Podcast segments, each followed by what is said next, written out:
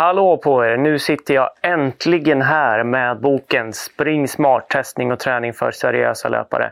Så här ser den färdiga utgåvan ut. Upplagan, utgåvan, ja, skitsamma. Det som man köper i butik ser ut så här. Fram och baksida. Boken handlar alltså om testning och träning för seriösa löpare. Och är du inte en seriös löpare så behöver du inte oroa dig, för det är inte jag heller. Eh, utan jag tror att den kan vara intressant nästan oavsett vilken nivå man är på. Det som man behöver ha är väl någon sorts vilja att veta mer om löpning helt enkelt. Eller om konditionsidrott om du är någon annan typ av konditionsidrottare. Eh, för är du en cyklist så behöver du egentligen bara översätta tempon till effekt och så har du löst eh, all översättningsproblematik. Liksom. Det den handlar om och min tanke från början var egentligen att jag blev, som vanligt är det så när jag skriver böcker att jag ja, nu är det som vanligt för det här är min tredje bok, Eh, att jag blir eh, fascinerad eller egentligen besatt av en idé. I det här fallet var det väl på något sätt att man kan dela upp hela spektrat av konditionsidrott och genom det få ut de här zonerna som man sen kan använda i sin träning. Så från början så började det här som någon sorts väldigt kort e-bok som jag tänkte man skulle kunna använda när man förbereder sig för ett lopp om man vill vara lite mer ambitiös än bara något standardprogram. Att man kan, man kan eh, testa fram sina trösklar för att veta ungefär hur man ska tillämpa träningen. Hur man gör när man ska träna lätt, hur snabbt man ska springa då, när man ska träna medelhårt eller hårt och så vidare. Eh, sen så växte det här och jag tänkte att ah, det här kan faktiskt bli en riktig bok och sen så har jag ju liksom breddat ut den här idén ganska ordentligt. Då. Så det den handlar om och det den börjar med det är liksom löpningens fysiologi och eh, de faktorerna som är intressanta för vad som avgör hur man blir en, en, eller hur duktig löpare man blir då i slutändan. Och det är ju då VO2 max, tröskel, ekonomi och motstånd mot trötthet, då, den fjärde faktorn. Så de faktorerna går jag igenom i början av boken och sen så handlar resten av boken egentligen om hur man identifierar olika trösklar i sitt spektra av intensitet. Från då väldigt lätt träning som liksom kan vara gång eller lätt jogg till liksom maximal sprint. Hur man hittar de här trösklarna för att veta hur hårt man kör när man springer i olika tempon.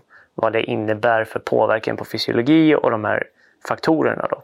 Och sen då till sist så går jag igenom då hur man kan använda den här informationen för att skapa sig ett träningsprogram.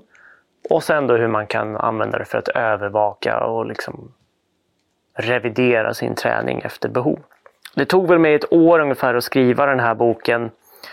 Men det är ju väldigt mycket mer arbete än så bakom den skulle jag säga. Därför det här är någonting som jag har hållit på med i, i flera år. Egentligen hållit på att intervjua folk om det här och, och läsa om det här och skriva artiklar om det här. Så det här är en, en ganska kortfattad ändå sammanfattning av vad jag ägnat mig åt de senaste åren. Och jag är jävligt nöjd med den. Eh, den blev eh, ganska mycket mer omfattande som sagt än jag hade tänkt och eh, en grej som jag är extremt nöjd med är att jag har verkligen gjort allting i den här boken. Jag har fotat omslaget, jag har designat, jag har formlagt, jag har gjort alla figurer och grafer och tabeller i boken eh, i stort sett alltid efter någon form av förlaga där som jag refererar till.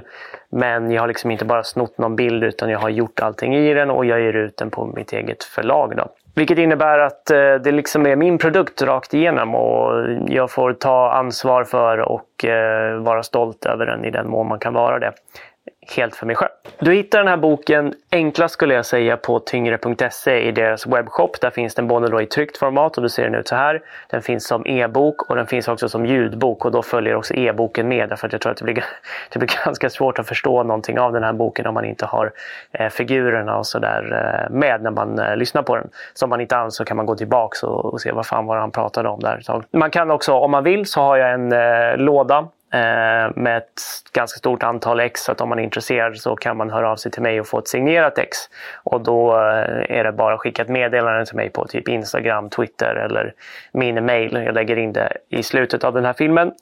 Eh, för de som är intresserade av det. Så är det med den saken. Nu kommer jag, jag kommer fortsätta tjata om den här ganska mycket faktiskt. Men eh, jag kommer att lägga liksom arbetet med den här bakom mig och försöka fokusera på andra saker nu.